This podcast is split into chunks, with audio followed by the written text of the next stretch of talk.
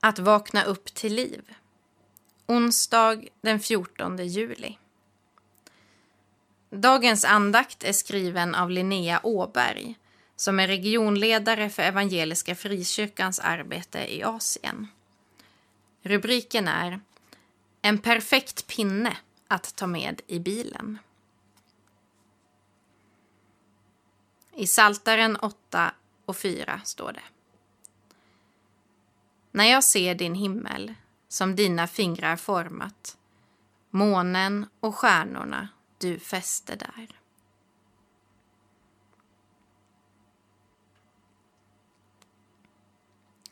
Han upptäckte ett konstverk. Jag såg en hög med skräp. Han lyssnade efter göken. Jag hörde klockan ticka. Han plockade tussilago och blåsippor. Jag borstade höstlöven från byxorna. Han sa ”Titta!” Jag ropade ”Kom!” Framför oss bredde våren ut sig.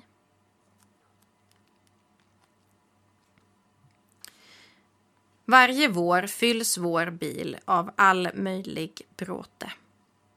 Saker som min son har hittat vid utflykter, på mataffärens parkering eller på vägen till och från dagis. Det kan vara gamla hårsnoddar, en tysk aluminiumburk, en halv serietidningssida eller olika slags pinnar.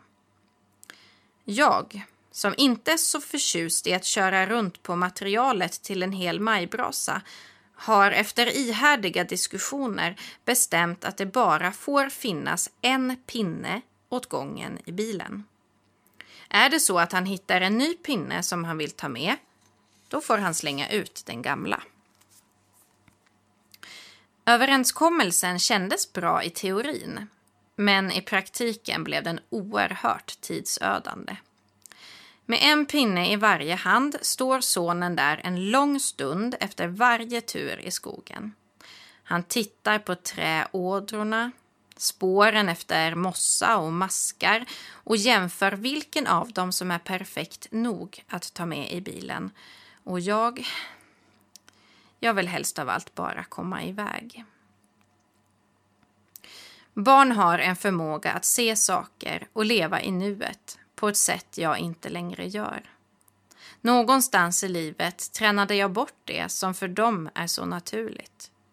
Förmågan att se det vackra och unika i det som vid första anblicken kan anses fult, vanligt och enkelt. Eller att stanna upp, fascineras och beundra det vardagliga utan att störas av klockslag och det som måste hända sen.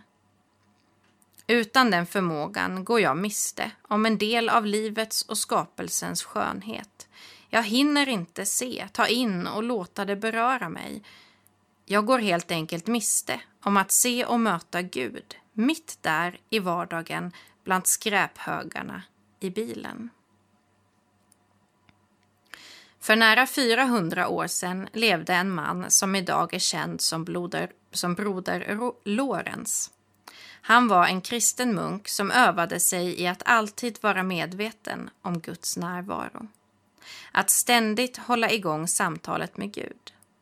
Att alltid lyssna efter Guds viskningar och se hans kärleksfulla avtryck i vardagens alla händelser. Att smaka och se att Gud är god, nådefull och generös. Övningen bestod i att ständigt leva med Guds kärlek som mål och mening. En utmaning som kan kännas omöjlig, men som ändå ger livet en avgörande riktning. Det sägs om broder Lorenz att han lyste av Guds kärlek.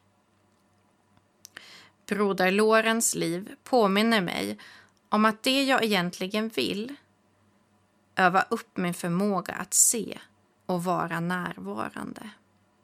Tänk om jag också skulle börja leta efter en perfekt pinne att ta med i bilen. Och så lära mig se både de små och stora avtrycken av Guds skaparhänder.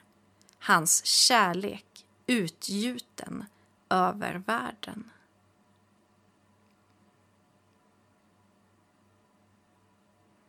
Vi ber. Gud, ge mig tålamod med den som dröjer. Lär mig att se ditt avtryck i den värld som dina fingrar format. Tack för att din kärlek finns att se i det som vid första anblicken ser ut att vara skräp. Amen.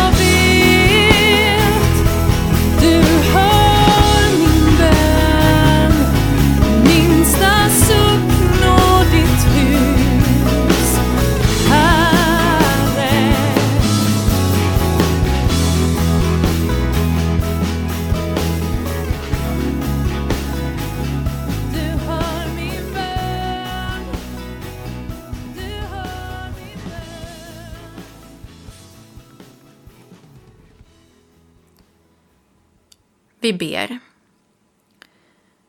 Vår Fader, du som är i himmelen. Låt ditt namn bli helgat. Låt ditt rike komma. Låt din vilja ske, på jorden så som i himmelen. Ge oss idag det bröd vi behöver och förlåt oss våra skulder, liksom vi har förlåtit dem som står i skuld till oss. Och utsätt oss inte för prövning, utan rädda oss från det onda. Ditt är riket, din är makten och äran i evighet. Amen. Ta emot Guds välsignelse. Herren välsigne dig och bevare dig. Herren låter sitt ansikte lysa över dig och vare dig nådig. Herren vände sitt ansikte till dig och give dig frid. I Faderns, i Sonens och i den helige Andens namn. Amen.